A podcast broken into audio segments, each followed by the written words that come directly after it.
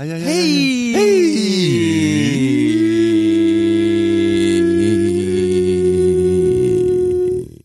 Bakkie Bakkie, seizoen 2, aflevering 6. Wat ontzettend lekker dat je luistert. Deze uitzending wordt voor 99% mogelijk gemaakt door onze lieve vrienden. Van die, het, die klasbakken van het verrassend frisse pils. in dat mooie witte matte blikje. Zo mat dat alsof glans er geen vat op heeft.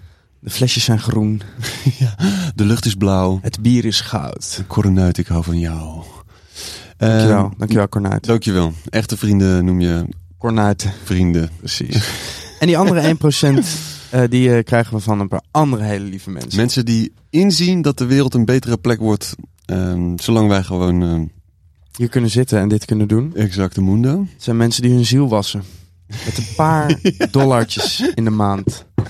Op een lekkere geen, manier. Geen greenwash, geen whitewash, nee, soulwash. Precies. Dus eh, als je een klein stukje van ons wil, als je een klein stukje wil bijdragen, dan, dan kan het gewoon nog steeds op eh, patreon.com Slash bakkie bakkie. slash bakkie bakkie. Want dat Als je, als je is een beetje doneert, je kan zomaar ineens een officieel van Lummeltje aan je muur hebben. een hartstikke idee. En, Een eh, bakkie bakkie t-shirt. een, een stickertje is ook erbij. nog steeds gewoon een ding.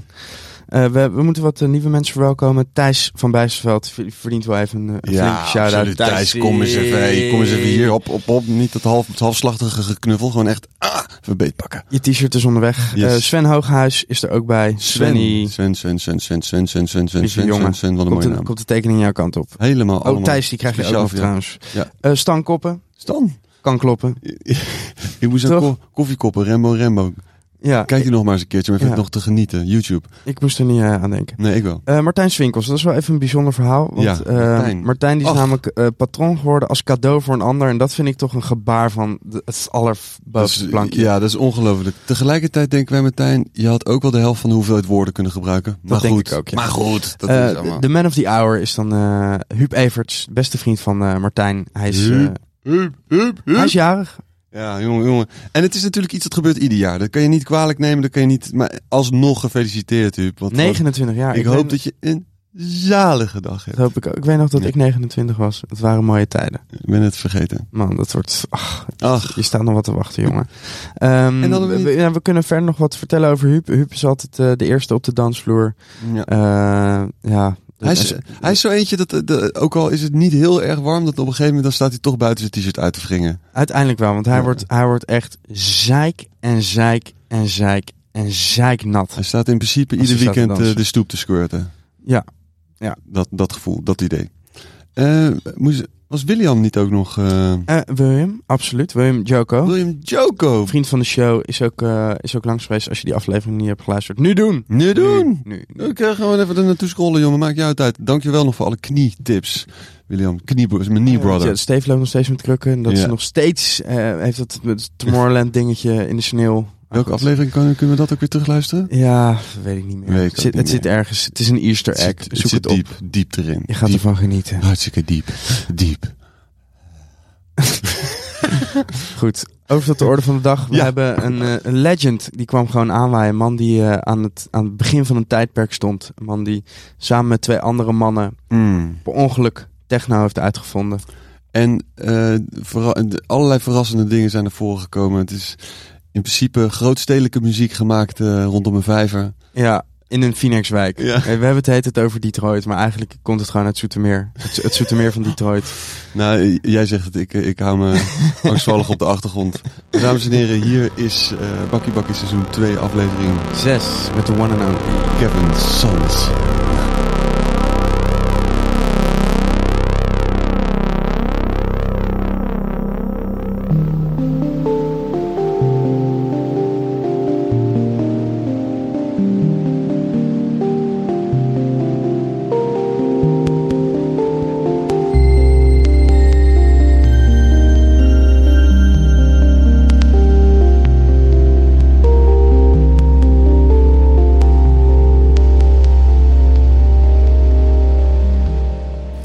us a cup of coffee. Yeah. Did you finish? Well, almost, almost. I finished that one. Actually, it's, it's funny though because uh, uh, I mean, as we explained, Bakkie Bakkie is slang for a cup of coffee, and then it was one of the things that we said. Like every time we want to ask people how to drink their coffee, but a lot of times we forget about it. and you arrived, and the first thing was like, "Give me a cup of coffee," but I want a, I'm a cappuccino type of guy. That's right. I just had to be straight because I know, like, when I'm uh, getting coffee from uh, Nicole over there, she, they always have the hard time trying to figure out how to get some milk. so I said, let me just let this cat out the bag right now. And so, yeah, Well, I, I just I really like the, the phrase "I'm a cappuccino type of guy." definitely. Yeah. Yeah. Uh, I think that's, that, that says something about the vibe, actually. Cappuccinos. There you go. Like- smooth. You know? And and then a shout out, of course, to the girls uh, from the museum at Ham that they, they walked all the way from the other side of the building. oh wow! To bring you two cappuccinos. Two and a half hours. definitely, definitely give a shout out for that. Ha- Have you always been a cappuccino kind of guy? Yeah, you know, uh, or I had to have milk in it. One of the two, you know. So preferably cappuccino. Obviously, cappuccino wasn't around like years ago, but you know, as it evolved, it was just a better version of a milk coffee. You know. I mean, it's it's crazy how how coffee evolved. Actually, I mean, it became sort of. Uh, I mean, people are being, being fancy about it Oh yeah. all over the world. You got all these changed. It's evolved and just grew in so many different ways. I mean, if you order a coffee nowadays, it's like, do you want Peruvian or you know, just, I just want a regular coffee. It's too. It, it- it's a little bit too complicated, but I guess it works for some people, right? That's that's for sure. I remember when I was, uh, I don't know, maybe eight years old. So to drink coffee, it's like amazing if you can get some coffee, right? You just just just wanted some coffee, but you always said, no, you can't have no coffee. You're too young. So uh-huh. my grandmother. She would always give me coffee. So for breakfast, she I'd go in there and she it was a small cup too. It was really small, and it would be, have milk, and she put that sugar in it. It was like wow. So that's how I You were drinking man. coffee, when you were eight I years old? yes, I was. It's your mo- your grandma that My made grandma. you a cappuccino type of guy. Exactly. yeah. That's why. That's that's how. what, was, what was the what was your grandma's situation like? Well, she she she had thirteen kids. So 13 kids? Yeah, she she raised thirteen kids and probably who knows how many grandkids. But uh, my, my grandparents they lived like on a farm uh, in Inkster, a suburb of Detroit, and uh, um, they were farm really kind of people. Grew their own food, and you know when your grandkids came over, you worked in the farm and. And she would just took care of the household. That's all. She, you know, she didn't work. She just worked at home because with thirteen kids, you know, that's all you can do is take care of your kids. And obviously, as they grow up, the kids start helping because they're old enough to help. As the younger ones, you know, are young. So, they, so yeah. So And was this an active farm, like with animals or making No, cheese? no, Or it, wa- it was just straight up uh, vegetables and, and fruits, stuff like that. And it was mainly for the for the family to eat because they had so many kids and and you know uh, grandkids or whatever and and all of that and brothers and sisters and so it was really for our own being. And then it, I think she they sold some in the, to the neighborhoods and stuff like that, like that type of thing. What what a change in one life, right? From uh, growing your own crops to uh, to playing playing house and techno music. yes, it's totally different, but it, but it's weird because because okay, so I'm originally from New York, which was obviously Mad City, Brooklyn, Flatbush. Grew up there for whatever nine, ten years. Moved to the suburbs of Detroit, which was semi country but not completely country. Uh, then I moved to Belleville, where I met Derrick May and Juan Atkins, which is the, really the beginning of techno, uh, where as as we joined together in Belleville, which was totally the country, like seriously lakes and woods and forests, and we came up with this. You know, the the combination of us created our own musical path to lead to, you know, to this electronic mm-hmm. sound from the country. I mean, this is this is probably a, a misconception, at least from from my part, because it's. I mean, Chicago, Detroit, motor cities. I mean, and this music also feels like a reflection on these uh, industrial cities. But then you created it in this In the woods. in the woods in this in this peaceful in, in this peaceful environment. Yeah, yeah. Uh, Well, but I think we all had some form of the uh, the city. You know, because Juan and Derrick they lived in Detroit before they lived in Belleville, and I lived in New York. So, at some point, there was probably was some inspirations, especially more or less them than me, because you know, uh, like parents worked in the plants, you know, and, and you seen all this machinery and stuff moving in the air in, in Detroit at the time. I didn't get to go to Detroit at, at, at a young age. I, I went later on in my life. Actually, I didn't go to the city of Detroit until I moved to Belleville with Derrick May, and that was I was probably 16 years old when we fir- when I first went downtown and seen the city that looked something like New York, but just smaller. You know what I mean? So, so it didn't affect me the same way, but but I think it it it, it still played a role. And even when I went into the, uh, you know, like I went into the Ford plant years later and looked at the machinery, you know, didn't inspire me to make the music I made because I didn't even know what an assembly plant mm-hmm. really was. You just heard about it. But the fact that when I went in there, I was like, wow, you had these machines moving in time and rhythm. And, you know, it, it, it did have a correlation to electronics. And, and you can hear how you could actually be inspired musically. So that might have happened for somebody like Juan to give him mm-hmm. his, his direction.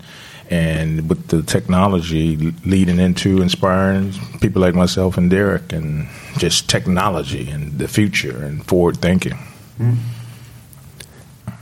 You were in the, the Paradise Garage when you were like 13, 14 years no, old? No, not that young, but I was I was uh, 17 for sure. You know, 17. Again, and like at 17, I had a full grown beard, so there was no question of. Uh, So, but, but Paradise Garage, New York, but you were living in Belleville I at lived, the time. I lived in Belleville at the time, but but, you, you- you only went into the city when 16, and then you just sort of got inspired with the city. So, or were you moving back and forth to New York? Oh yeah, yeah, yeah. I would go in the summertime to New York because my Ah. father, he, my mother moved from Detroit. I mean, from New York to the, to the suburbs of Detroit, where my father still lived in New York. So I would go back uh, every summer, and sometime like in between, maybe a Christmas every now and then, or whatever, a holiday, um, a weekend, whatever. So, but mainly summer times. And I had other uh, half brothers and sisters that I hung out with there and cousins. So that's how I kept going back to New York.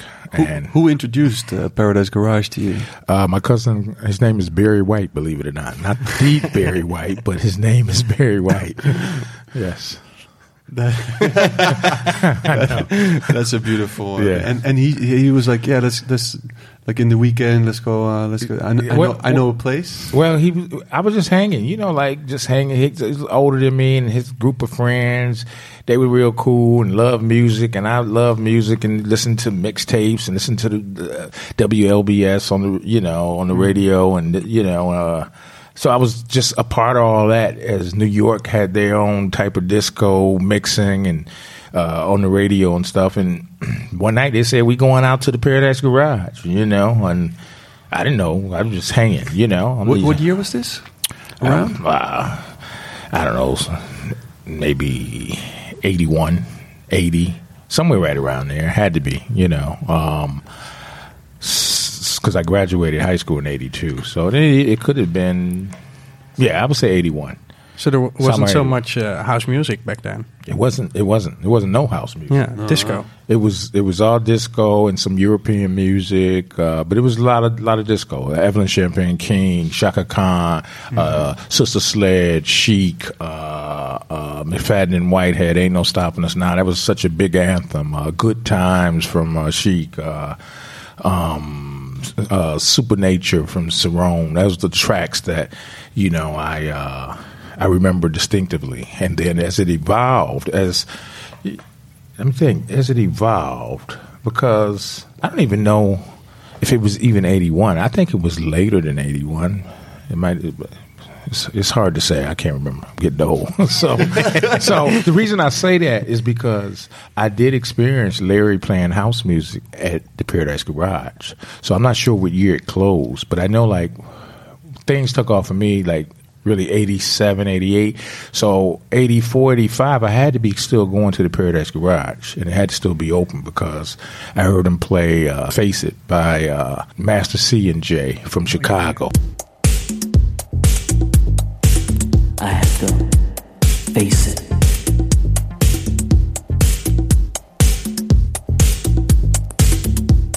Face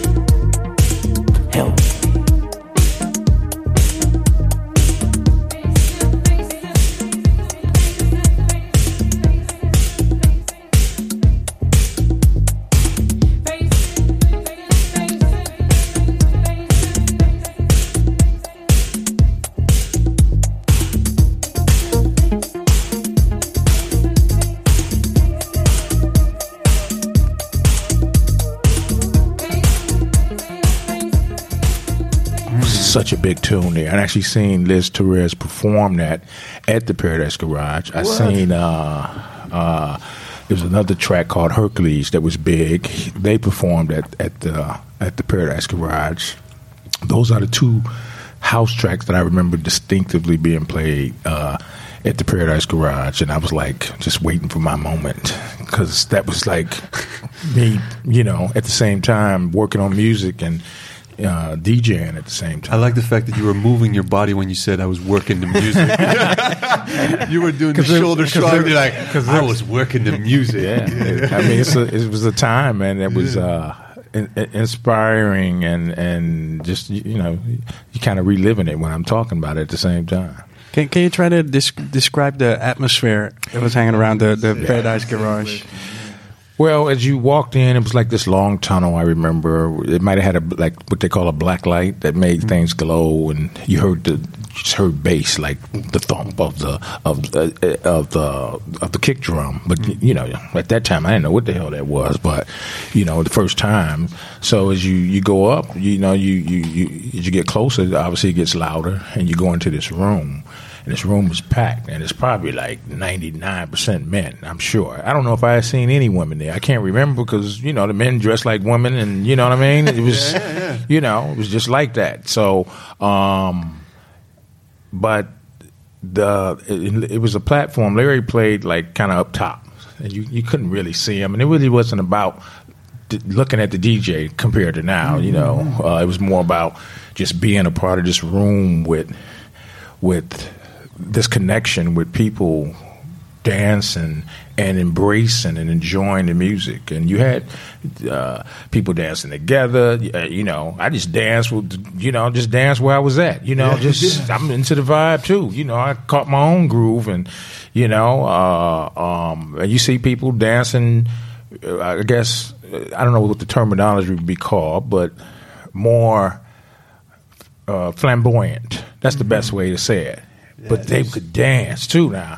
So it was actually interesting to see these men dancing to this music like you know, it was it was, you know, it was to die for.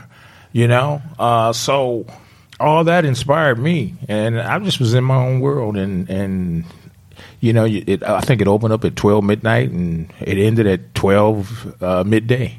So when you walked out, when you walked in, it was night. When you walked out, the lights hit you. It was bright, you know, and you felt beat down too. you know, especially if the sun. It's a workout. burning. Yeah, but it was it was uh, yeah. That's the experience that uh, you know. It definitely played uh, a role when I first started making music because the first thing I could think about is how to make a track that will work on the dance floor and that's on a loud sound system and also it was it wasn't just about instrumentals. I always wanted to make a vocal track as well because that's how I grew up listening to people like Chaka Khan and Evelyn Champagne King and Stephanie Mills. I could listen to them, I could dance to them, and uh, that that's that was like a early inspiration for me. For Inner City. Oh yeah, definitely. Even before NSA, I did a, uh, my first track. Actually, was called "Triangle of Love," and it was uh, a, vocal record. My very first track before I made any instrumental.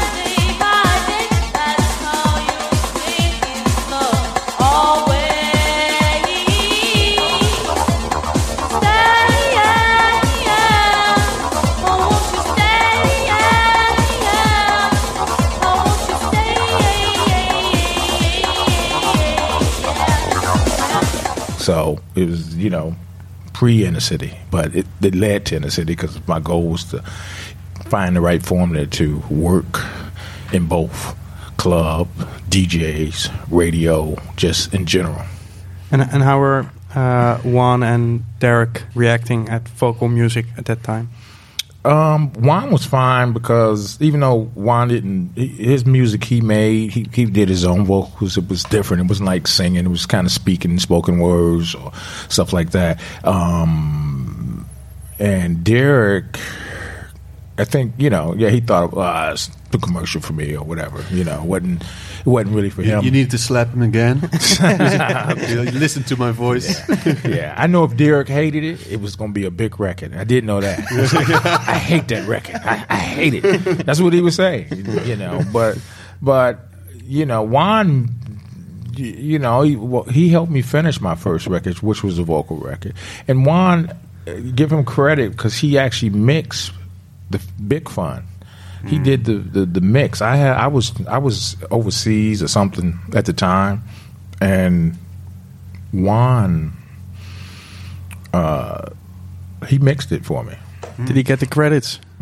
Yeah, yeah. The Magic Juan says the Magic Juan mix. I mean, he didn't remix it or anything, but he he's he he still made it sound like it needed to sound, and he had the experience of of how to format it.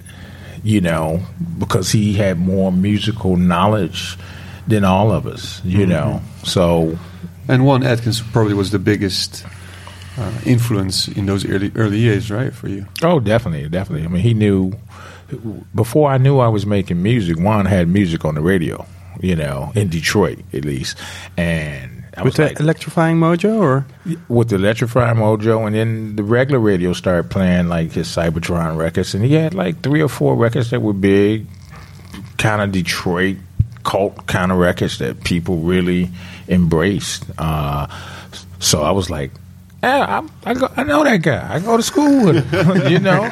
So and then you know. um, I used to go over his house and stuff like that too, and see like little pieces of equipment and stuff like that. So And did did they go to Paradise Garage in those years, or was the distance? I mean, no, they. I don't think Derrick or Juan never went. Yeah, they never. They never went. pussies.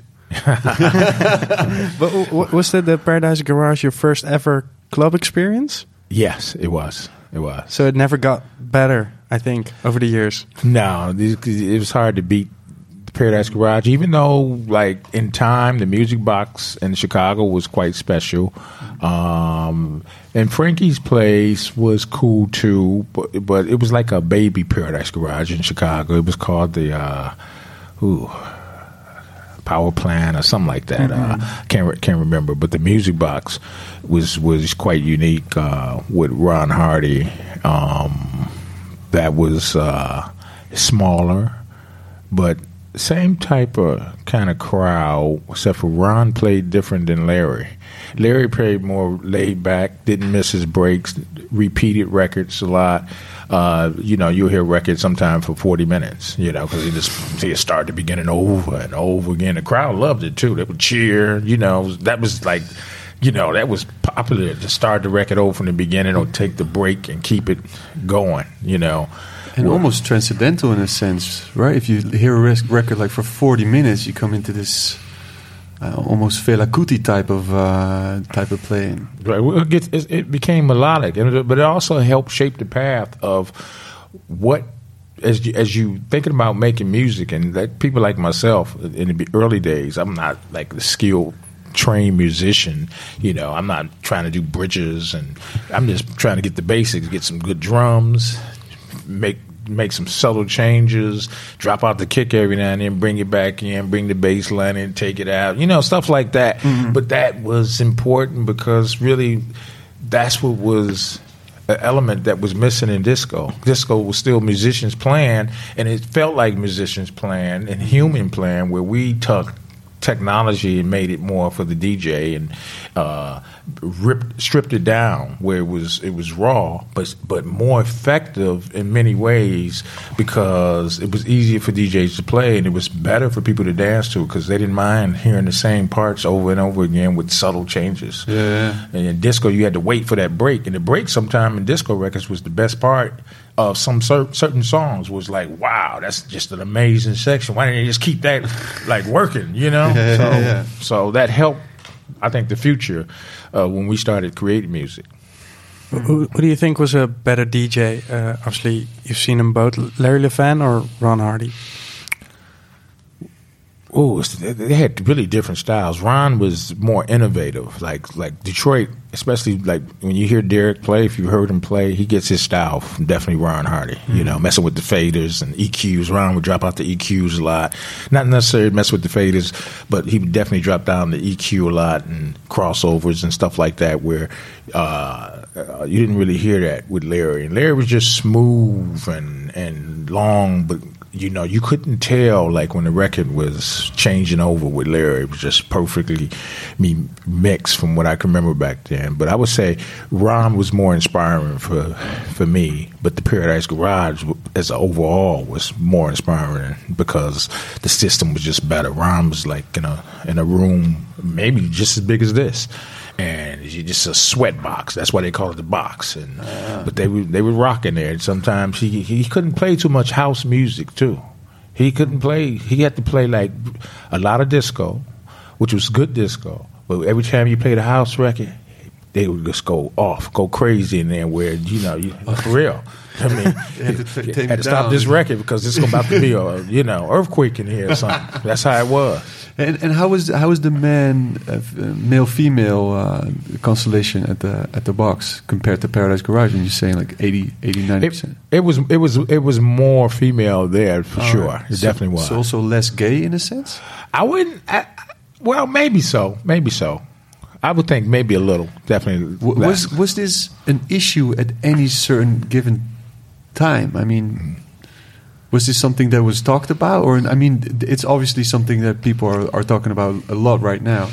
It was never an issue for me because uh, you know I was so into the music. Yeah. I never even thought about the fact that some man would try to hit on me, or I'm, I'm, uh, you know, I knew I wasn't gay, but it didn't bother me if somebody thought like I was in this place, like you know what I mean, Yeah. like, like you know. So it didn't bother me, and it seemed like you know, it, it never even happened to me. So uh, for me. It was the perfect environment and, and, and the best musical environment you can e- e- experience, especially back then. Yeah, it's so funny that that over time we we got uh, like young kids got to get more knowledge about things, and knowledge is now always a good thing, I guess. Uh, because if you're if you don't have the knowledge about what it is, then you just without any Make your own assumption. preconceived, yeah, yeah, you just Yeah. you're just going in for the music. House music was built on the gay community, the black gay community. But was it uh, back then? Were you realizing this? No, I mean, well, I knew it was a, it was definitely gay and it was black, but it was that's what it was at the Yeah, time, yeah, yeah, and that was amazing. You know, that was amazing for me. It was inspiring, and if you got to remember when I first when I was going to these clubs. I became a, I was a music lover before I decided I was gonna make music. I didn't had no clue. It led. It was only a few years before I started making music. But you better believe if I didn't go to that Paradise Garage, then my path might have been different. Uh, I might not. I, I might not have made music. But the fact that I could hear these. First of all, I'm inspired because I, because, uh, uh, because of Larry being a DJ, being able to t- take two records and keep it going, and then keep it going for hours, like 12 hours.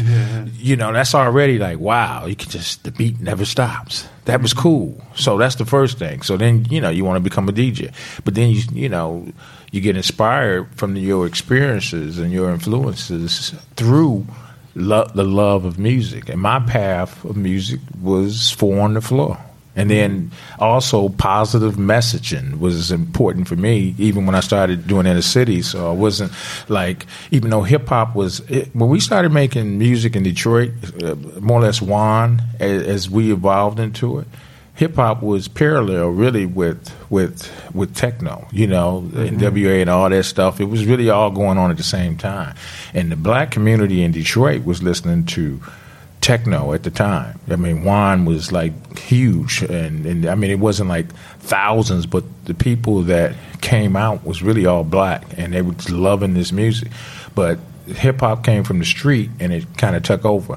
Mm-hmm. But at the same time, I was like, I want to do something more positive, more uplifting. I- And even though hip hop was from the street, I, I always felt like the grooves were great, the music was great, great, but sometimes I thought the message. Well, I know a lot of times the message just wasn't. It just wasn't cool for me. It mm-hmm. wasn't. It wasn't me, and I wasn't feeling it. So that's why my path became that way.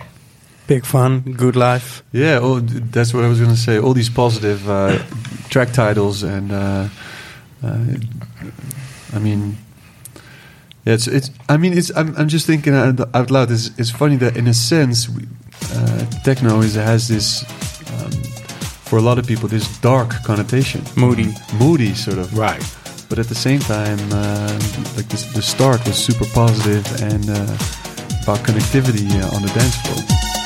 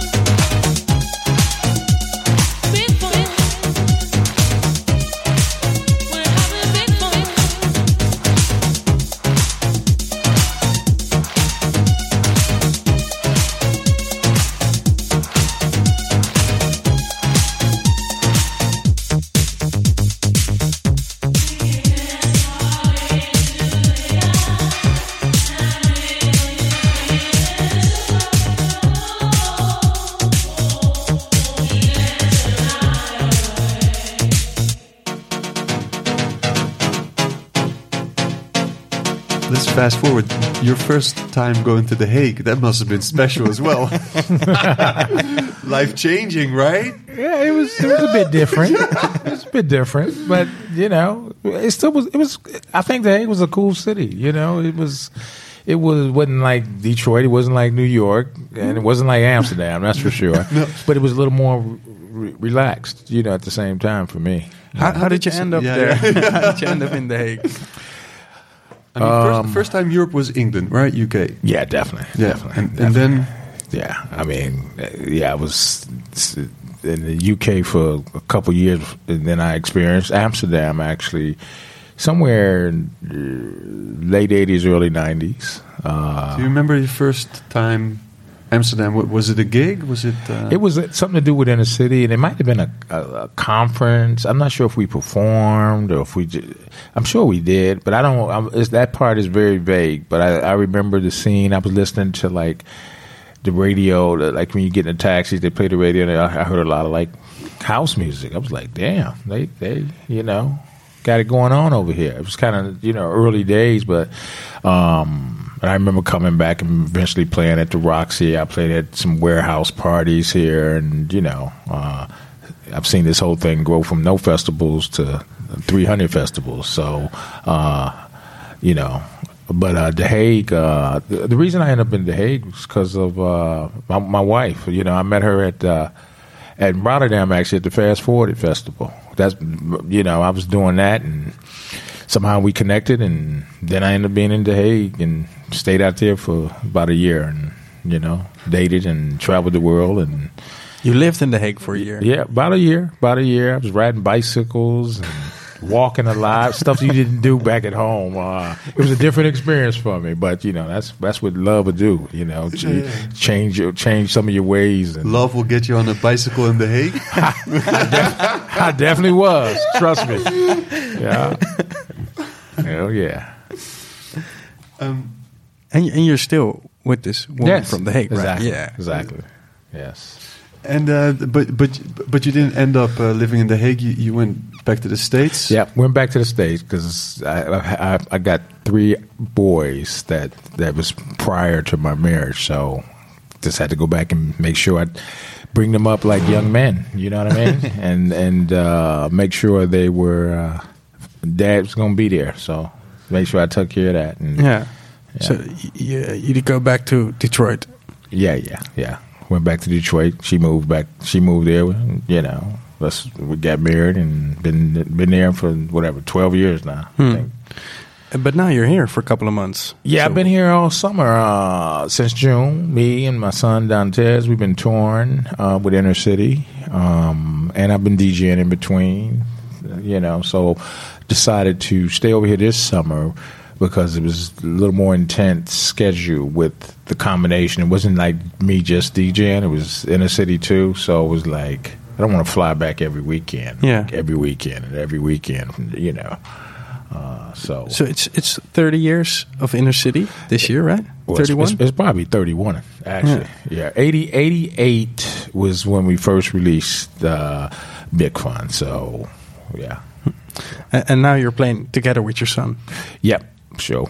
For sure. And how, is it to play with your boy? Yeah, it, it- it's good because you know I've seen him develop over the since he since he decided he was going to take the path in the music. I watched him from the beginning to see his seriousness, his dedication, and his commitment to it all. So um, he's he's a, he's a big plus because he's he's the backbone of of uh, the the new music, the new sound, which is still a combination, but he he can you know work on stuff as I'm traveling. Uh, he doesn't have a problem working and, and traveling. I, I'm I'm pretty old school when it comes to that. I like to be in my studio, my studio only. So uh, he can work anywhere on a plane, in an apartment, you know, uh, just to get get a get a vibe. So and then I can give him direction, and you know he's been working in the studio out here. Uh, also, he's been in the studio three, four, five, six times already. He's in the studio right now as we speak. Huh. And, and did did he always like your music, or Well, he just dealt with it because he was around him. He just heard, you know, trying to sleep. He had no I choice. Yeah, I was- yeah, yeah. He he didn't have much choice. Went on some tours with me as a, as a family. Yeah, Sometimes I took him like to Australia, took the whole family or certain places. But he didn't like. It wasn't his passion at the time. It, it became his passion as his friend, his friends stopped saying, "Man, that's your your dad. He did that. wow. Do you know?" And he's like, "Oh, yeah, well, you know." And then he moved out. I think when he was like 19 and lived with some friends, and or maybe 20, and they were DJs, and they were aspiring to be producers, and that's what got him into music. It wasn't me. Mm-hmm. But the fact now he was into music, he stayed with them for about a year, and he he moved back home. He's like, you know, I really want to be a DJ. I've been practicing. I live with my roommates. I see equipment. He started talk, talk, talking about technology, and then you know he moved back home because he knew I had that studio too at home, and he's like, I got everything right in front of me. Yeah, some, sometimes you gotta leave to to, see what to you got, reflect yeah. and Yeah. see what you got. So that's that's really kind of how it happened. And That's a funny direction though to to to has the have the aspiration to become a DJ and move back into your parents' house. I know. My dad's got a studio. Fuck that shit. I'm yeah, moving back. going back home. I'm fine. So, so what was the first thing you taught him or teach him, or Well, were there any lessons?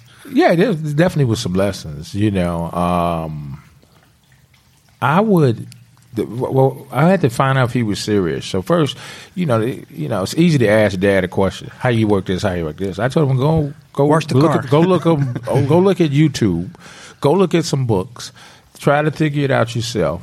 Once you got enough knowledge, because I wouldn't tell him right away, because then it's, I mean, he's going to ask me every question in the world, right? I said, you try to figure it out.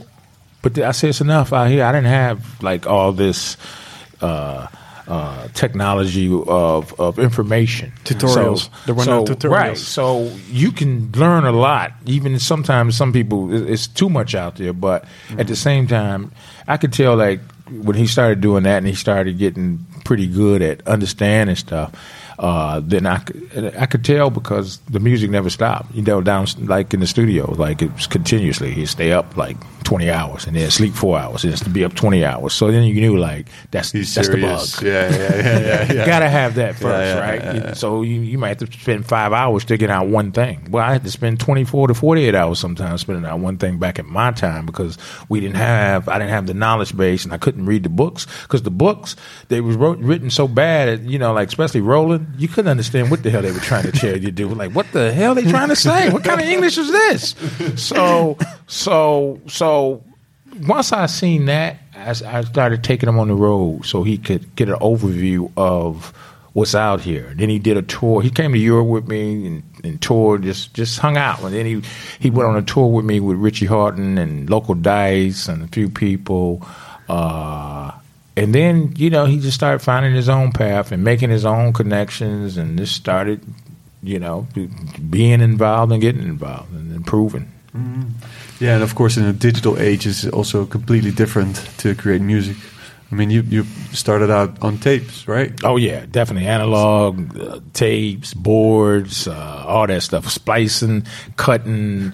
Uh, you you know you would mix in sections and then you would splice and do edits to bring it all together. Well, you know these days you just do it all on the computer, do all your edits and arrangements. Yeah, you got you get sixty layers if you want. Right. then- and then Juan also showed you that you you could add all these layers and then double it, right? Oh yeah. Splice it. yeah, yeah, I learned that from Juan and and Derrick, and even when we were doing our radio shows, when I started DJing, like you do radio shows, you would do do it the same way. You do special kind of mixes and try to do special things that was like like a master mix, should I say? And in that master mix, you would just chop up different parts. You would you know make uh, layers of, of records play together and then b- splice it together. So that continuously, it felt like it was two or three records mixing at one time. And so I learned a lot of tricks with that type of stuff. And you know. The worst part is when you lost a piece of tape and it fell on the floor, and then you got a bunch of other tape down there, and you're trying to find the piece to put back. That was a bitch. So, definitely. That's crazy though. Talking about the concept that that the music that you made actually existed on something physical instead of like it, now it's uh, Yeah. like the horror is when your hard drive crashes or Yeah. something. But it's Drop all- some coffee. Yeah, yeah, drop some coffee on on your. But everything is uh, like zeros and ones, and then it used to be sort of something physical. Yeah, definitely, definitely. And I, I appreciate. I mean, I appreciate both because I was a technology. I am a technology guy, so I like moving forward in the future. But I also, you know, you know, I like touching too. So like recently, I just I haven't mixed in the box in some years. I mean, I haven't mixed outside the box. I actually have a mixer again, and. uh uh, it's a, I mean, it's a digital mixer, but the fact that, and it's a, it's a DAW controller, and it feels, you know, like it's like an SSL type of approach towards, uh, you know, uh, mixing, which to me feels great to just touch uh, physical knobs and Yeah. tweak your, your mix, or you can EQ right there on the board. That's just, it, it's, uh, it's you know when you're messing with the mouse, it, it, it's really not the same. It's harder to me, in Yeah, my opinion, and it's easier with the board, and you feel it better with the board. So you can have two approaches. You can arrange your your your song. And get it all like you think it should be arranged, and then you can start putting your effects and your compressors and getting stuff sounding right all on your board. That's a beautiful thing because that's like two sides. Create the music, arrange it. Now make it all come to life on another way instead of doing it all looking at the screen and doing this. And now you can do it on the board too. So for me, uh, you know, I like I like that way. You know. Physical approach. Yeah, yeah. I mean, it's both, but you know, Yeah, it's it's it, it adds something. You know, something about pushing that slider up and hearing the balance compared to using it with a mouse and pushing it up because you, you sometimes you just never can necessarily get it like you, your ear thinks it should be. With this way, you, you you feel like you can just automatically feel it. You can feel when it's right. Mm-hmm. And, and actually, this weekend, uh, me and Justin uh, have been working for Lowlands, one of the biggest festivals of the Netherlands, for for quite some time. And now this this year we're doing a podcast. But for the last couple of years, I was uh, the MC for for a place called the X-Ray. The X-ray. Yeah. Okay. So I was I was just curious on how you guys uh, came up with this name. Uh, just how did it pop into your mind? Oh, X-ray. Yeah. But well, you know that was really Derrick. It was uh, ah. it was Derrick May's uh, project. Uh, um, but he had a track on the other side of that that was I heard actually played in the Paradise Garage. I was like I was just so amazed to hear it played. Uh, um, um, it's just a little small section on the because it was called "Let's Go," the name of the track, but on the other it was no name. It was it was so it was just an amazing track. One of my most favorite Derrick May tracks. Uh, but it has no name. But uh, but X-Ray's Derrick May actually. You know. All right, right, yeah, yeah, yeah. Uh, I thought maybe would- because you sort of, I mean, you've always been called like a, a threesome in a sense. Yeah. Like the, the Yeah, Belleville Three. Mm-hmm. Belleville 3 That's a better name. That's a better name. That's a better name. but uh, and and I know I know we, we've said about the past, let the past be the past, but just just a short. How was how was the community back then? Was it Well, well, we Derrick. Uh, I think Juan was the, knowledgeable one, the one with the experience, the one that was putting out records, the one you had to respect right away. Uh, and you know, me and Juan, we communicated, but we wasn't like tight boys and nothing like that. Derrick and Juan were really close. Derrick was Juan's biggest fan, biggest salesperson. Like when Juan would release records, Derrick would take them to Chicago and and and give them to like all the DJs because he Derrick lived in Chicago for a short period after we finished high school. So Derrick would be trying to push Juan's records. Derrick is the reason why Juan met Mojo and got Mojo involved. So Derrick was really the person. and that was a big thing. Oh yeah, that was huge because you know Mojo started playing Juan music, and eventually, you know Juan was doing stuff on the radio with Mojo, and we all were at a certain point uh, and playing our music. But it, it, it opened up doors to people, and then gave us uh, a lot of inspiration because we were right there at the forefront of of you know being played besides Parliament Funkadelic, Kraftwerk, and all these groups. You you you know to get played by Mojo that was special. You know what I mean? To be like you know that that was credibility, instant credibility, and inspiration for you and, and belief. You know, it's great for your confidence. Um, So so, I mean, as time evolved, we we worked together, but we we didn't work together. We worked to support each other. Uh, we didn't really make music together. You know, like Juan helped me finish off my first record. He did mix Big Fun. I got him, Derrick and Juan, to do remixes on Good Life. You know, because I'm just trying to bring everybody into the picture as our scene is growing. But we all had our independent labels. Um, sometimes we shared equipment.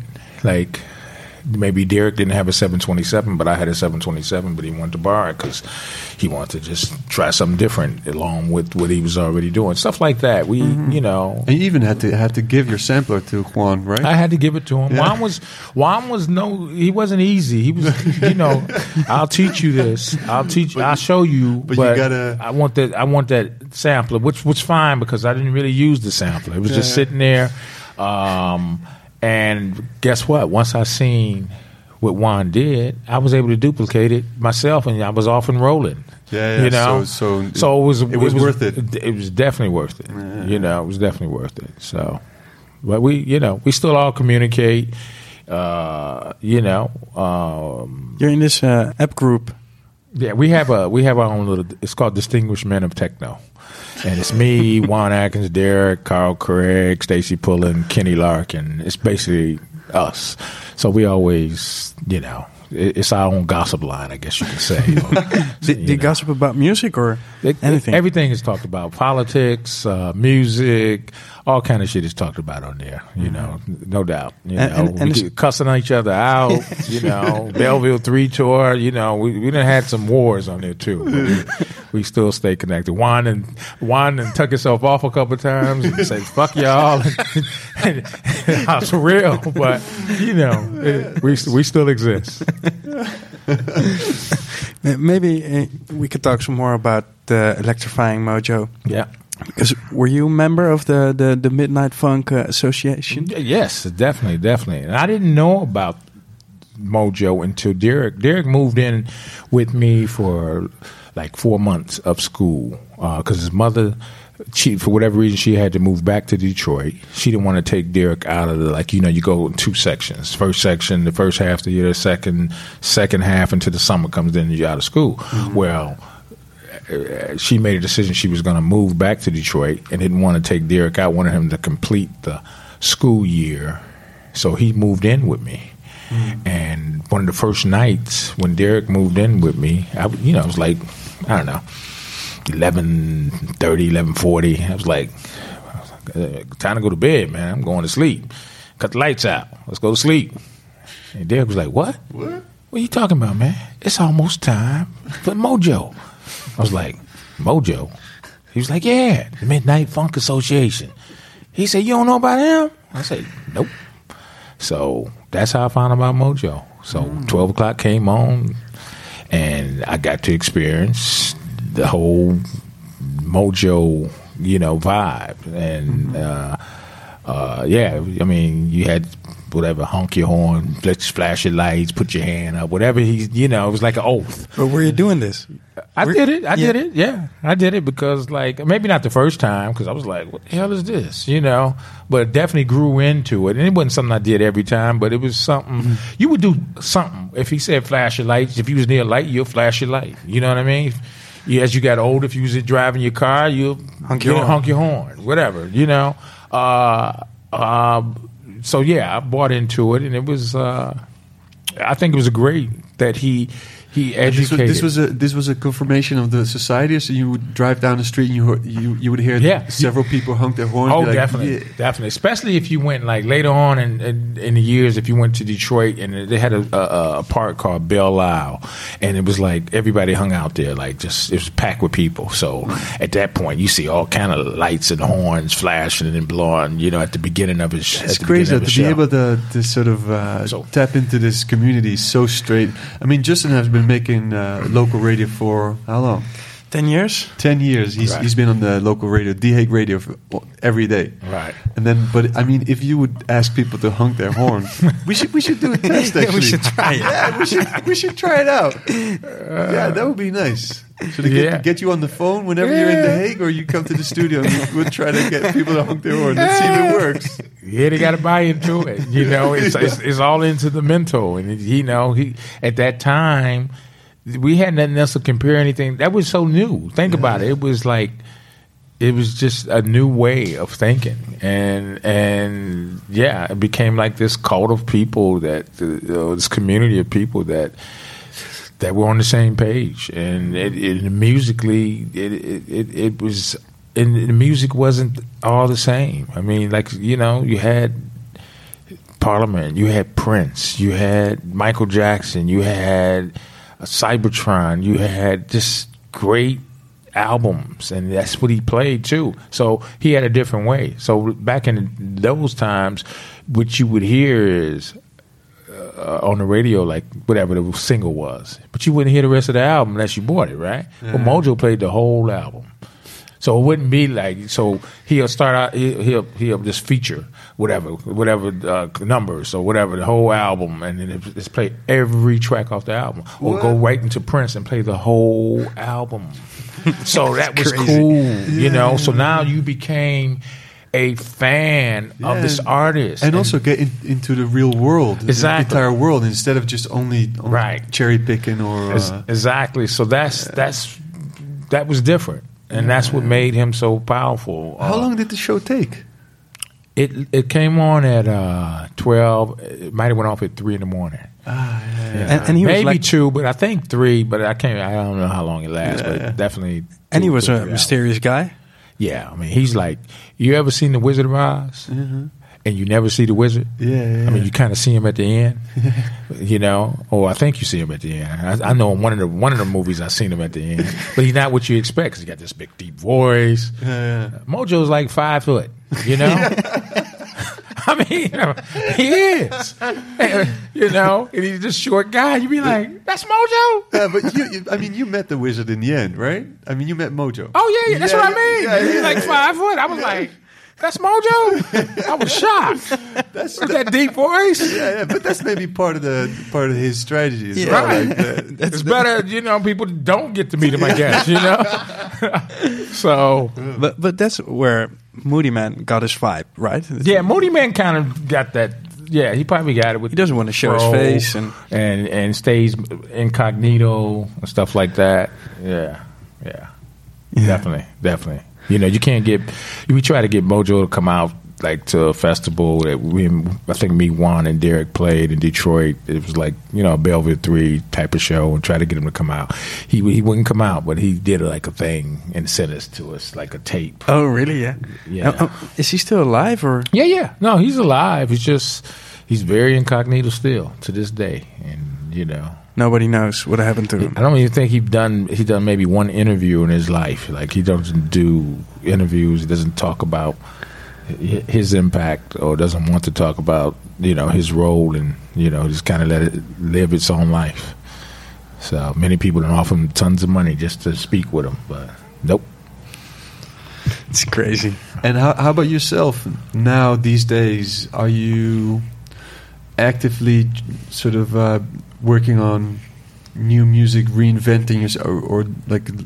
Are you giving the- most of the control to your sons? How's this? Uh, how's the balance? Well, it's a balance because, like, I, uh, yeah, within the city, my son is involved heavily. Okay, but you know, I still do my own stuff, like my e dancer. You know, so uh, I've, I've evolved. I think a couple years ago, I've re- kind of recreated the same album that I put out in the '90s, just with some modification, mix it again, added three or four new tracks, and then we went from that into the orchestrated album, uh, which was a lot of string bass, violins, uh, stuff like that. But the same music, but transformed into you know more uh, orchestrated and synth and violins and stuff like that, which you know gives myself uh, a different challenge.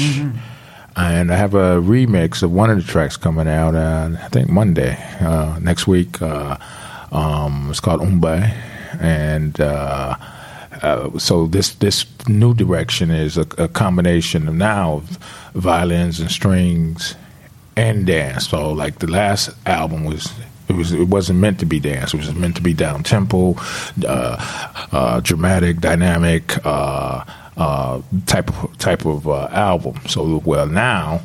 I'm changing the path. I'm combining it. So uh, where you, you you have a section in the middle that just takes you in this world of strings and stuff, and it starts out very dance and underground, and you go into this section, and then it comes back into the dance after experimenting around with with the strings, and it's just working really well at festivals that I've been playing, and takes people kind of in another world, and all of a sudden just kicks back in with this power uh, of darkness and underground. So you know, I'm I'm always trying to recreate myself because not necessarily for the people, because I'm inspired to do something always different or challenging.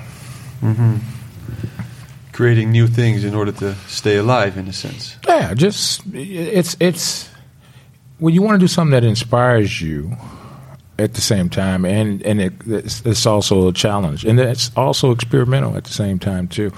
It gives you an opportunity to be free and do. You know, I've done some of everything. You know, I have nothing to prove, but at the same time, I want to. I'm living, Yeah, so yeah, yeah. I'm going to do Proof what of life. I feel like I want to do. Yeah, you know, yeah, simple as that. Is is there? Uh, do- you're living in Michigan right now, right? Yeah, yeah Novi, Michigan, suburb Yeah. of Detroit.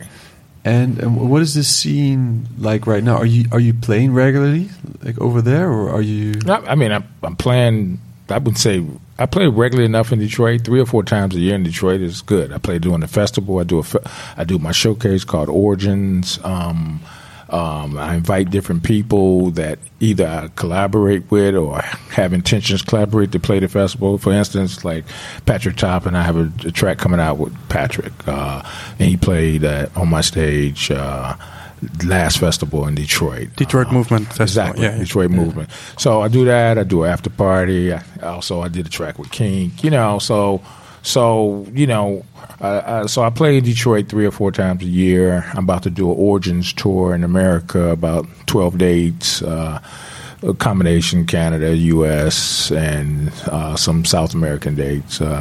So you know, I stay busy. It's better days these days, I think, for DJs in in uh, in the states. Right. Oh yeah, definitely. I think the states is much better than it used to be because at, at one point it was like just like it was terrible. I mean, it went from from New York, from the Paradise Garage days to the Sound Factory and some other good parties and and and the tunnel and stuff like that for times. Then it just it got weird, you know. Uh, uh, and that's because of the European music was being the promoters were hiring a lot of European uh, DJs, and they were becoming popular in America, and they were kind of shaping the sound of the club scene at at that point. Mm. Which you know, which was to me at that point was a little bit damaging, but it, you know that's how promoters heard it. So that's you know, so they were hiring less people like me or Chicago. It was more about damaging in, in, what sense? damaging as far as the, the, I think the education of the music, it was getting lost. It, it was like becoming this real progressive or just progressive or just trance at the time mm. type of market. So.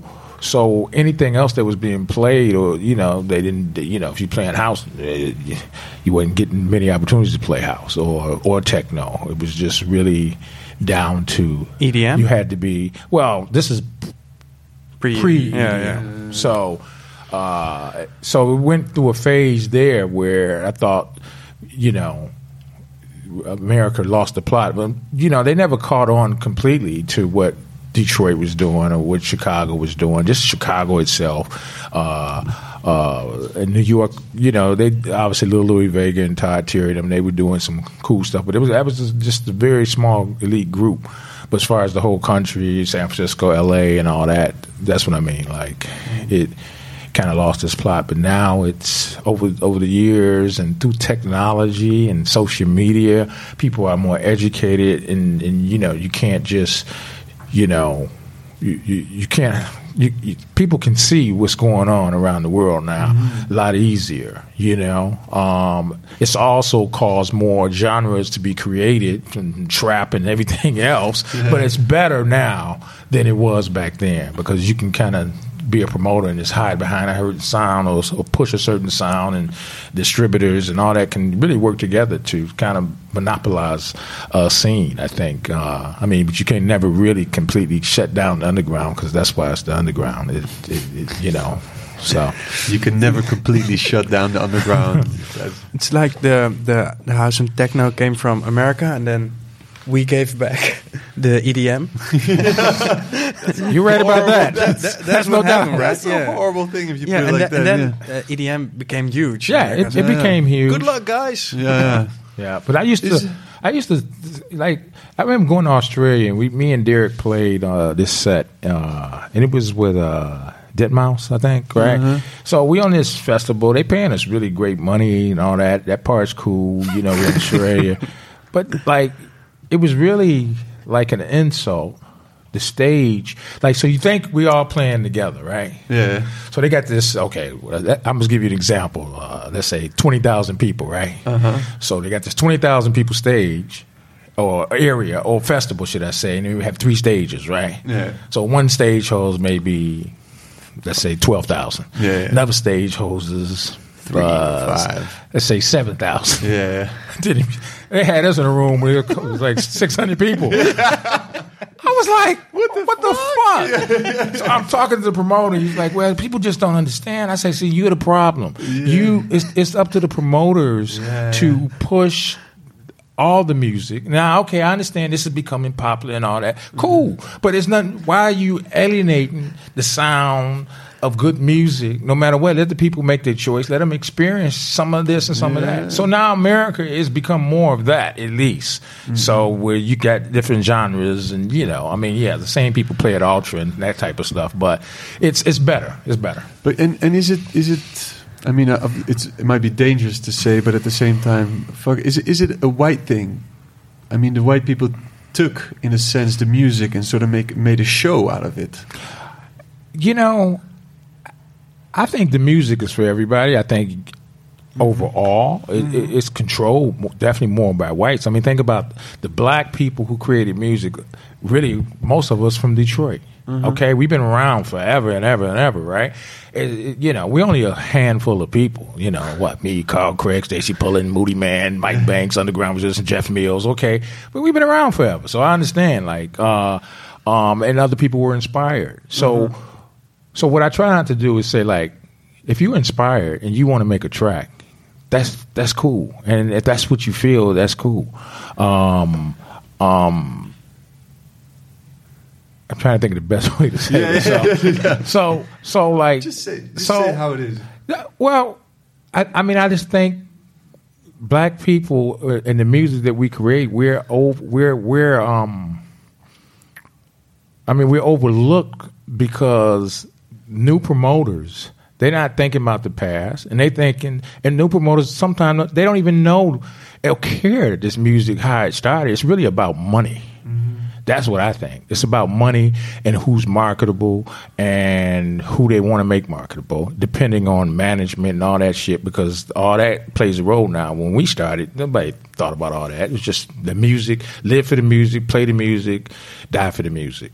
And now it's a whole different, you know, you know, social media and all that stuff is, is you know, you got agents who work with only certain certain uh, uh, uh, managements, all kind of stuff, you know, and politics going on with, with that type of shit. So, you know, so I, I would, you know, I mean, white producers, white females, DJs, and all this, it definitely it, it's a it's the majority by far. So you're gonna see more of that, which I don't mind. But I think like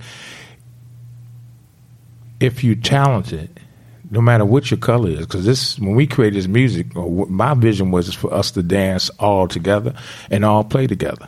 So it sh- it should it should stay that way, and it's always somebody up and coming that's inspired uh, t- to to make music, whether they're black, white, whatever, you know. Uh, but everybody don't think like me. And so now you're with uh, with a with a Dutch company actually Yeah. With uh, with Armada. Yes. How did this come about? Um, man, I'm trying to think. How did it first come about? Uh, how did it first come about? I think I met someone. Somebody mentioned him to me that was from here in Holland, and told me about him. So I just did a little research. I had management at the time. I think I decided to like let's do a label potentially do a label type of deal. I think I knew Nicole too uh, from some previous stuff. Kind of asked some questions, and uh, I just made my determination that I want to try try it try to do something different. Somebody in Europe. I've worked with plenty of people in England and plenty of people in the U.S. and I thought like still wanted to have my own company. So, and they had a setup where which would allow me to put out product from Detroit or from wherever on, on my label KMS. They seemed very knowledgeable. Uh, seemed like I had some good support, and then so I kind of did that for a year or two with them, and then. I was thinking about inner city, you know. At the same time, I think we put like some inner city stuff out on KMS, but then I thought like, let's move inner city over to uh, a, Armada, not KMS, and try to give it a bigger platform, a different platform, because it's you know, it's a different direction than the KMS material. So, and I went met, went went and met everybody in the company, and it's got a good warm vibe and warm feeling, and seemed like they were music people, you know, and they were expanding and trying to do not necessarily one style of music, maybe uh, diversifying. So I thought we would fit in. That's kind of how it happened. There's like 50 or 60 sub labels, right? They told us. Yeah. But they have some lousy coffee, uh, I remember. Yeah, they don't have no milk. they sure don't have no cappuccino. That's my only bitch about them. you should put your fist on the table and say, I'm, I'm only working with this company. That put, Yeah. I'm a cappuccino type of guy. Yeah. You didn't tell the first meeting? put it in my uh, put it in my contract, Yeah, right? exactly. Yeah. I ju- just read a story about a girl who puts out music on, at Warner, and uh, there were this. Uh, they were talking about this deal, and uh, she's like 19 or 20, and she said, "I want a dryer for my clothes," and then she got one in, in a Oh. Warner deal. Okay. want to do my laundry? there you go. Yeah, you can ask Next for one. everything. Yeah. Next one. Cappuccino. it is. And do you still uh, look for a lot of new music? Uh, I wouldn't say I look for a lot of music. A lot of music comes across our path, uh, you know, uh, and we try to listen to as much as we can. It's a bit overwhelming, you know. Dantiez, he he definitely uh, he listens as, as well as me, you know. Uh, it's so much music. Yeah, but but stuff to play when you're DJing. Oh yeah, I'm always searching for music. I don't even. I probably look for more music than I than I do download my promos. You know, people send me too. You know, because you know you get overwhelmed. Sometimes it's better. You feel like just searching is better than just going through a bunch of promos. Even though you might have some good pieces in there. You know what I mean? So it's a tough. It's a tough task when you got you know 15, 20 records being thrown at you a week or more, maybe 50, you know, sometimes. You know what I mean? So, so sometimes. easy. And, and then if you feel like a need, like let's say you, you, you, you feel like, mm, I feel like I'm missing something. I feel like I need some more inspiration. Then I'll go dig in promos and stuff. Uh, but I, otherwise, I mean, I'll go to all the different sites and I'll, I'll buy, you know, and support, you know, uh, the, the music. If I like it, I'll just pay for it and download it.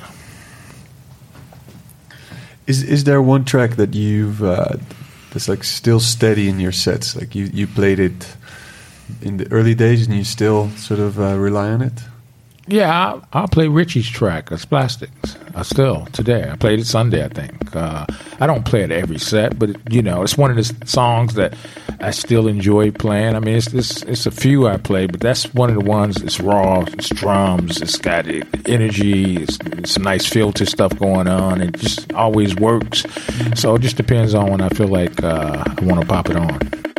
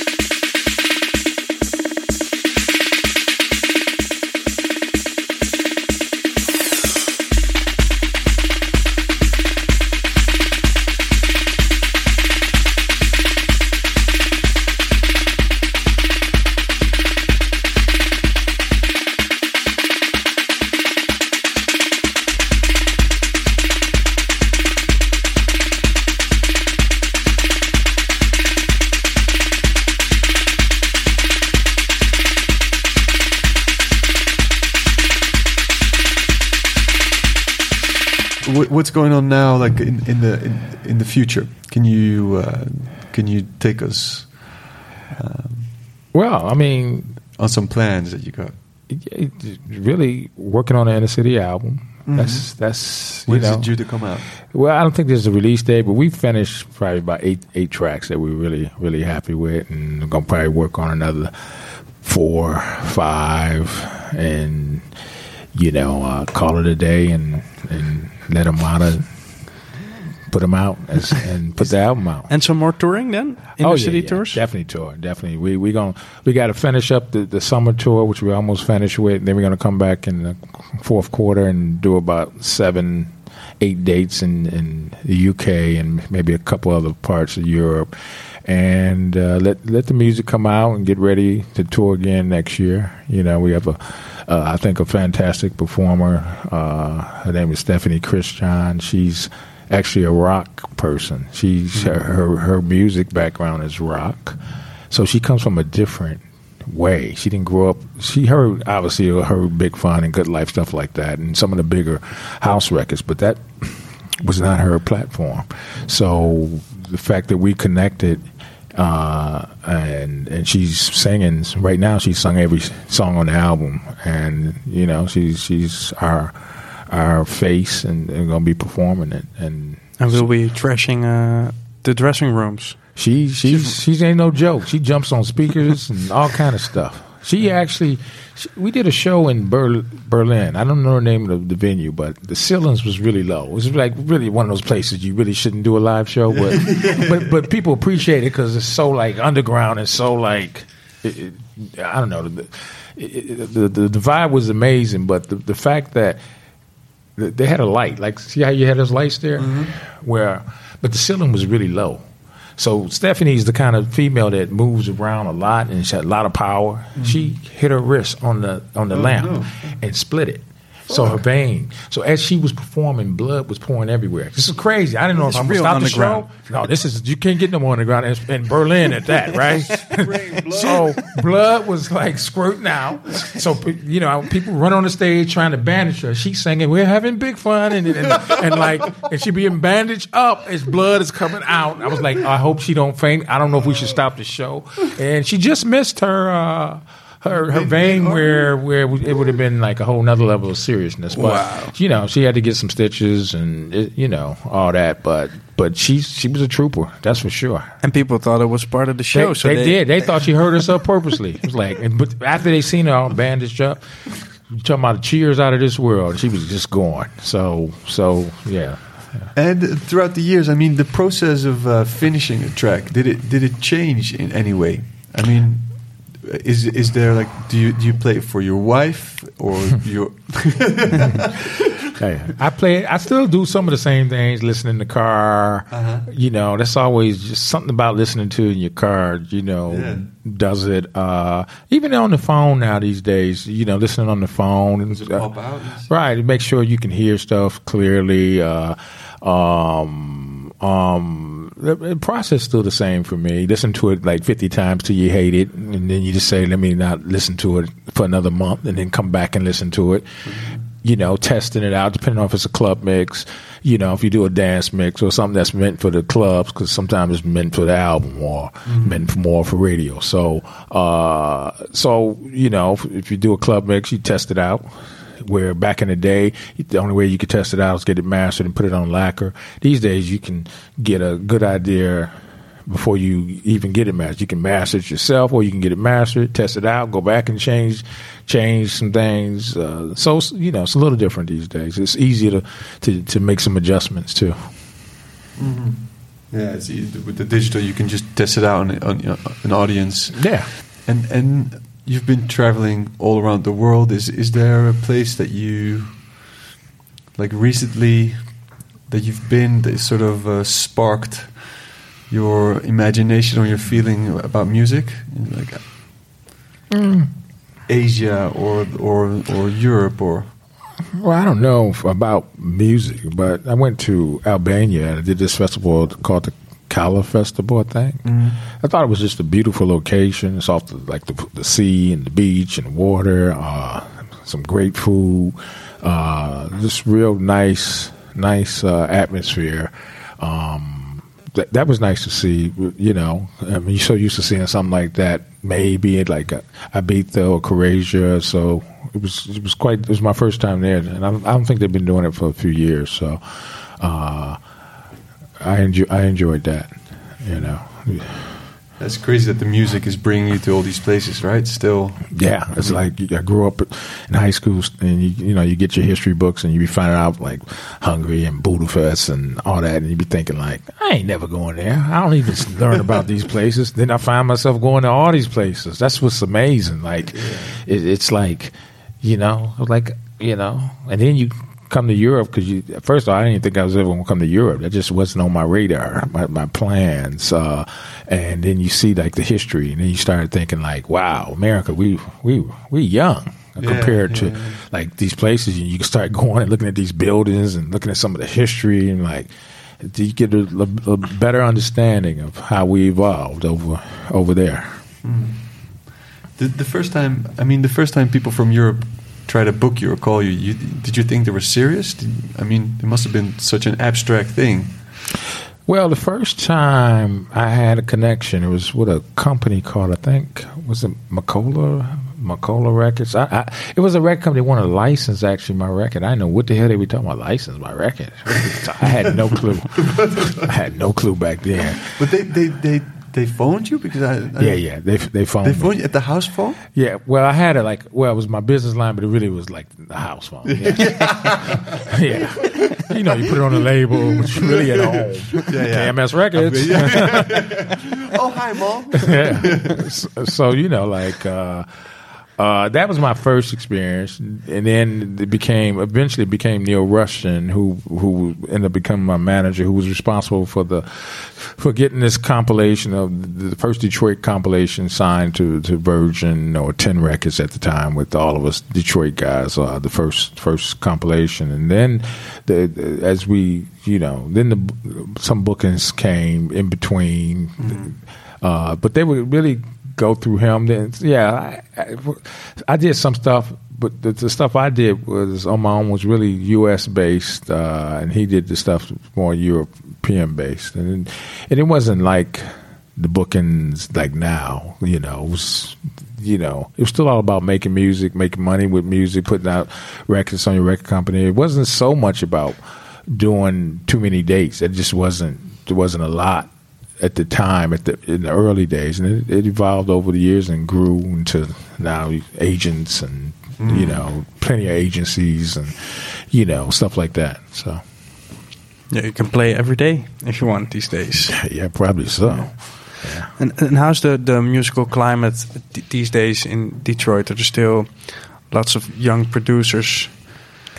You know, it's not as many as I would think, or we're not approached by as many. Like I've just recently did like a, a release. Let me think. One, I, I released Blake Baxter recently. He's he's been around. I did, I did a track on him uh, and a remix. I did a track with a guy called Nico. He's not young, but he's you know. Uh, he's not like one of the younger guys. Uh, I did a, a Taxia. I'm just trying to think, like, you know, we don't seem to have a lot of the young guys yet, you know. But I think they they have been hearing it here, but we haven't heard their music or they haven't gotten it to us yet for whatever reason. So uh, the goal is to, if there's talent there, to to tap into it. But it seems like just like same people or people who really haven't had a lot of opportunity to put out a lot of music have approached KMS and and been sending in demos and stuff like that. But I I, I, I suppose they they got to be out there. I, I know Mike Huckaby's been working like in these schools and teaching like young younger generation kids uh, how to work uh, the native instrument stuff and uh, uh, drum machines and machine and stuff like that. So, um, but I hear they they're coming and they're there. So hopefully soon. But I haven't really, you know, uh, I can't give you one name that I can say like is uh, somebody fresh and new and young, upcoming. That's a bad thing, I think.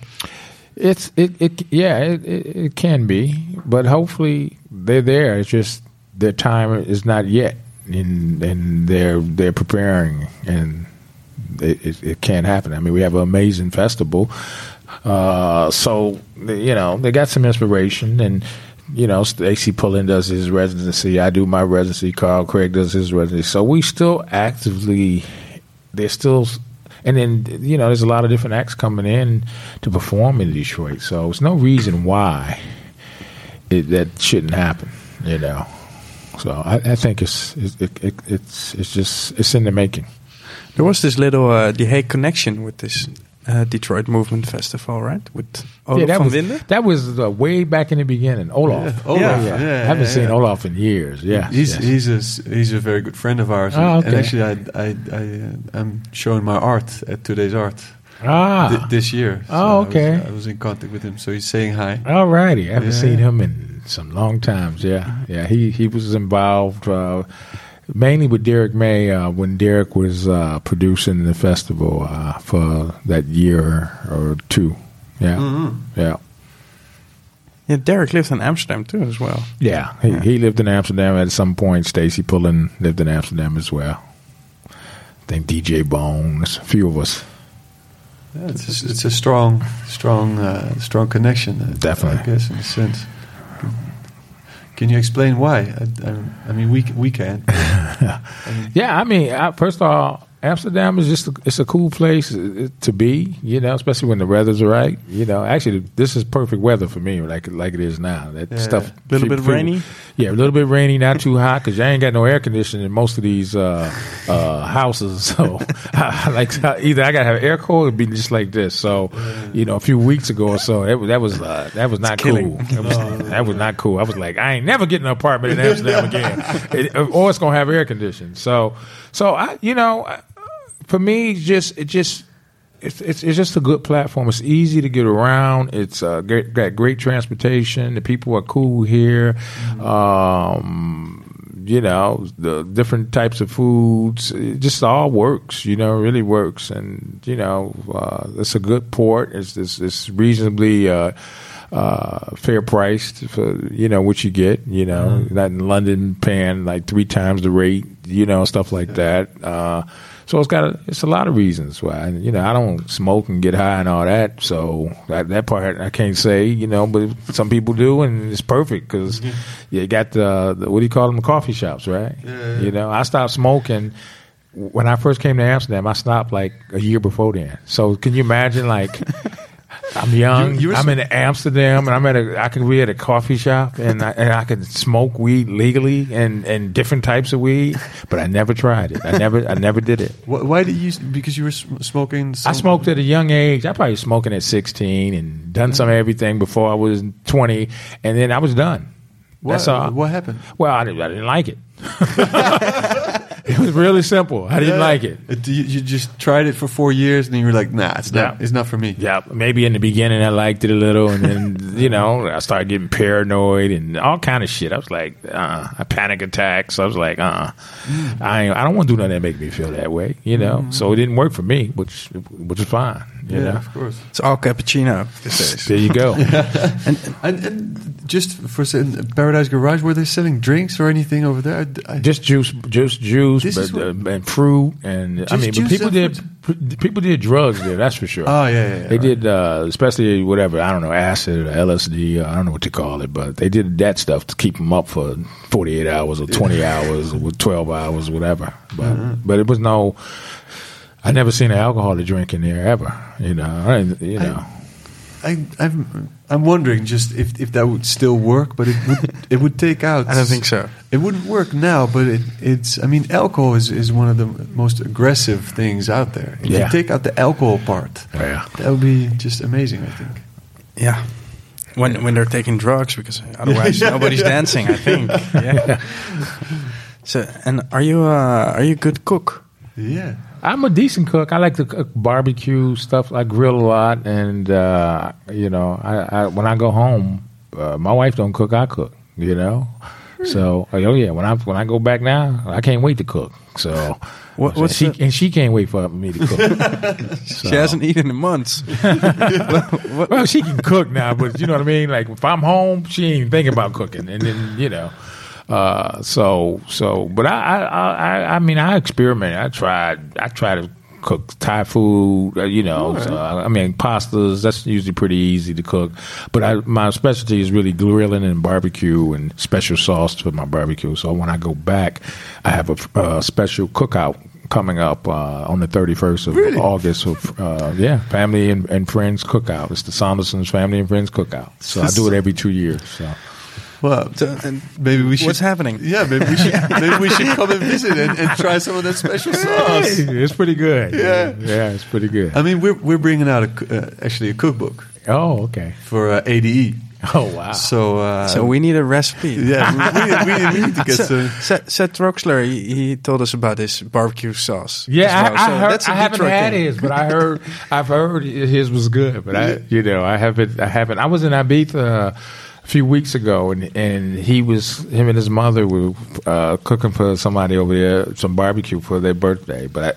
I, I, I couldn't go because I had to do inner city sound check at the same time, and the show wasn't too far after, so I was bummed. Like, Oh shit! I still He's a haven't good- been able to taste he's a chef. That's what I hear. Yeah, I hear, yeah. He's, he's, I hear he's a real deal. So I'm a I'm a wannabe chef, but but I, you know I think because I saw him in Barcelona a couple of weeks ago, and he told me that he wants to have his um, vegan tacos in the book, cauliflower oh. So, so if we, if we would ask you for a recipe, what would be in the book? What's the signature What's your dish? signature dish? It'd be probably barbecue ribs. Yeah, ah. with the special sauce. Definitely. Barbecue ribs with the special. But the special sauce is a secret, right? Oh yeah, that's that's. it's hard to really give all those ingredients. So I might give you part of the secret, but that ain't good enough. Somebody might try it and say like, "Hey, this is just okay." then they come to my house and be like, "Wow, Wow. All right. Well, well, maybe you can you can give us another recipe, which which you Yeah. will Or give invite us for the cookout. Uh, just invite us for the cookout. I mean, how far is it? You know, it's just, I mean, yeah." we'll bring our bikes. It's only in Detroit, Yeah, suburb yeah, I mean, Detroit. the world is a small place. exactly. All right. Thank you so much, man. Thank you for stopping by. Have a good have a good stay in the Netherlands. Yeah, they got a week left, a little over a week. I've been here all summer, so I'm uh, I'm looking forward to finishing up my tour and getting home for about ten days and enjoying my barbecue, and then shoot off to Australia. Only 10, 10 days. Yeah, 10, 10 days, days. off, and then and then uh, Australia. Yeah, For how long are you staying? just a couple, just just two weekends, which is good because I'm not doing like Japan and Singapore and all that this time. Just too much, so just shoot in two weekends and come back home and start working on American tour. And next summer you'll be back in Holland, or Uh, I'm sure I will, as long as I find a place with some air conditioning. we'll get you some in The Hague. Yeah, actually, yeah, you probably can get some in The Hague. yeah, you should come home. bring bring the lady We- home. yeah, to we The can Hague. ride some If- bikes. You know, my wife came over for about two weeks, but if she was going to be here all summer, we would stay in The Hague because that's closer to her. I mean, that's her environment. But because she she was only here for two weeks, it was like I'm staying close to Amsterdam. So. Yeah, yeah. We still want to know which neighborhood she grew up in. I mean, we'll get back to it later. Yeah, yeah. I've been there many times. I don't know how to tell you, you know. Yeah. Welcome anytime, man. Alrighty. Welcome anytime. Thank you. Alrighty, thank you. Thank you so much. All right. Alrighty. Yeah, That's a wrap. that was a I'm nice back. conversation. Yeah? Thanks, man. Thank you. It's cool. That was nice, but I did something like this in uh, Berlin not too long ago. That was that was one of the better uh, interviews. It's just like a talk, and it makes it different and just like you know what I mean. Yeah. So